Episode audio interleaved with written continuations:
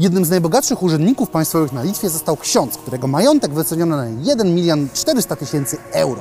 Zarządza on dworkiem, posiada też udziały w hotelu, muzeum i stadninie koni. Jednak czy jest to wyjątek, a może reguła? Dzisiejszy odcinek poruszy temat zostania księdzem. Nieważne czy dlatego, że chcecie nim zostać, jesteście ciekawi procesu, czy planujecie zostać papieżem, który odcinek był i możecie go obejrzeć tutaj. Na wstępie jednak zaznaczę, że mówimy tutaj o zostaniu kapłanem w kościele rzymskokatolickim, najpopularniejszym w Polsce i na świecie. Jak to w każdym zawodzie bywa, nie ma jednego wielkiego cennika, według którego wypłacana jest pensja, czy dostępne są środki. Księży na świecie jest prawie 400 tysięcy i w zależności od tego, czy jest on na misji, prowadzi lokalną parafię albo gigantyczne sanktuarium, sumy będą się zmieniać. Co do samej Polski, bo na niej postaramy się skupić, mamy księży 21 tysięcy, którzy rozrzuceni są po 10 tysiącach parafii. Do tych parafii należy łącznie ponad 92% Polaków. Tyle właśnie deklaruje się jako katolicy, a regularnie co tydzień na msze chodzi połowa z nich.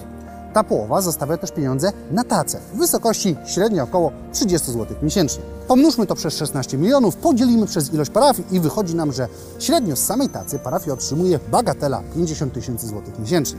Więc w teorii zostanie księdzem powinno się nam jak najbardziej opłacić.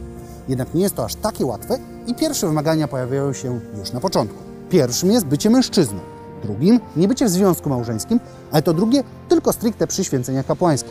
No i oczywiście wyznawanie odpowiedniej wiary, a także przyjęcie wszystkich wcześniejszych sakramentów, jak chrzest, komunia czy bierzmowanie.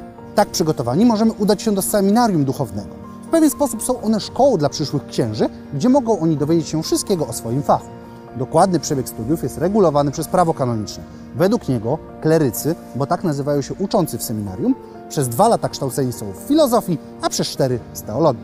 Jeśli utrzymamy się w naszych obowiązkach i powinnościach, a także wykażemy odpowiednie predyspozycje moralne i intelektualne, które oceni biskup, będziemy mogli po czasie nie krótszym niż 6 miesięcy zostać wyświęceni na prezbiterów, czyli na księży. Ten drugi stopień kapłaństwa nakłada na nas pewne obowiązki, których jest dużo więcej niż wcześniej. Poza celibatem jest to pełne wspieranie Kościoła, w tym świeckich pracowników, ale też na przykład ciągły rozwój, chociażby poprzez dalsze studia i pozyskiwanie wiedzy. No i wtedy też przyjdzie nam zarządzać, a raczej pomagać w zarządzaniu fortuną, o której wspomnieliśmy wcześniej. Bo nie jest tak, że te 50 tysięcy dla parafii jest kwotą do rozdysponowania w pełni. No i przypominam, to średnia. Mała parafia z niewielką ilością osób mieszkających w pobliżu będą przynosić znacznie mniej, gdzie duże, w dużych miastach, będą mocno podwyższać ową średnią. Tak samo będzie z wydatkami. W mniejszych miejscowościach będą one mniejsze i mogą być bardziej przyziemne, jak bieżące naprawy, opłacanie pracowników takich jak organista, czy utrzymanie infrastruktury np. w czasie zimy. Do tego często uruchamiane są programy pomocy dla lokalnej młodzieży, czy utrzymywanie różnego rodzaju przybytków. W Polsce Kościół zajmuje się 33 szpitalami, ma pod swoją opieką ponad 500 sierocińców czy 287 instytucji charytatywnych. To właśnie na takie miejsca w większości kościołów użytkowane są środki stacji jeżeli kościół jest dużym obiektem, na przykład katedrą albo sanktuarium o dużej wartości historycznej, sporą część pieniędzy pochłania konserwacja zabytków. Prace renowacyjne mogą pochłonąć nawet pół miliona złotych, co nawet dla bogatszych parafii wiąże się z wieloletnim procesem zbierania pieniędzy. Bo przypominam, utrzymanie gruntu, pracowników czy wcześniej wspomnianych placówek kosztuje. Jak więc tym wszystkim zarabia ksiądz? Przede wszystkim ze swojej pracy, czyli na przykład bycia katechetą bądź kapelanem. Tutaj mówimy o stałej pensji wahającej się w zależności od regionu i ilości godzin od 1500 do 3000 zł. Pieniądze te trafiają na utrzymanie księdza, jego wyżywienie, edukację czy na przykład utrzymanie samochodu. Do pensji należy doliczyć też pars, czyli ofiarę złożoną przy okazji chrztu, ślubu i pogrzebu. Według prawa kanonicznego to właśnie pars jest źródłem utrzymania duchowieństwa. Jego wysokość szczególnie wahać się będzie w różnych parafiach. Niekiedy będą to sumy symboliczne, kiedy indziej oscylujące w granicach kilkunastu setek. Jednak nawet zakładając życie jako nauczyciel i otrzymywanie wysokiego parsu, nie powoduje, że ksiądz będzie miał wszystkie te pieniądze.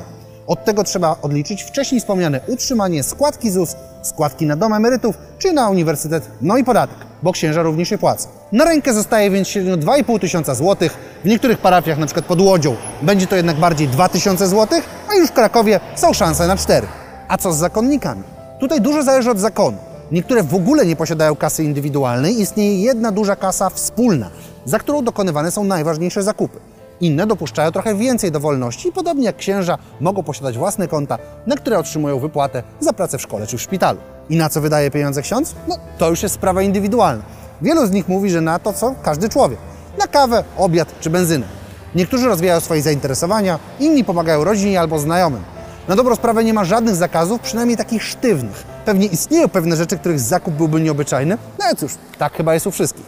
Tak to jest z byciem księdzem, ale mówiłem, że przecież bycie nim to drugi z trzech stopni święceń. Tak jest, ponieważ ksiądz nie posiada możliwości udzielenia wszystkich sakramentów, co w pewien sposób powoduje, że jego kapłaństwo jest niepełne.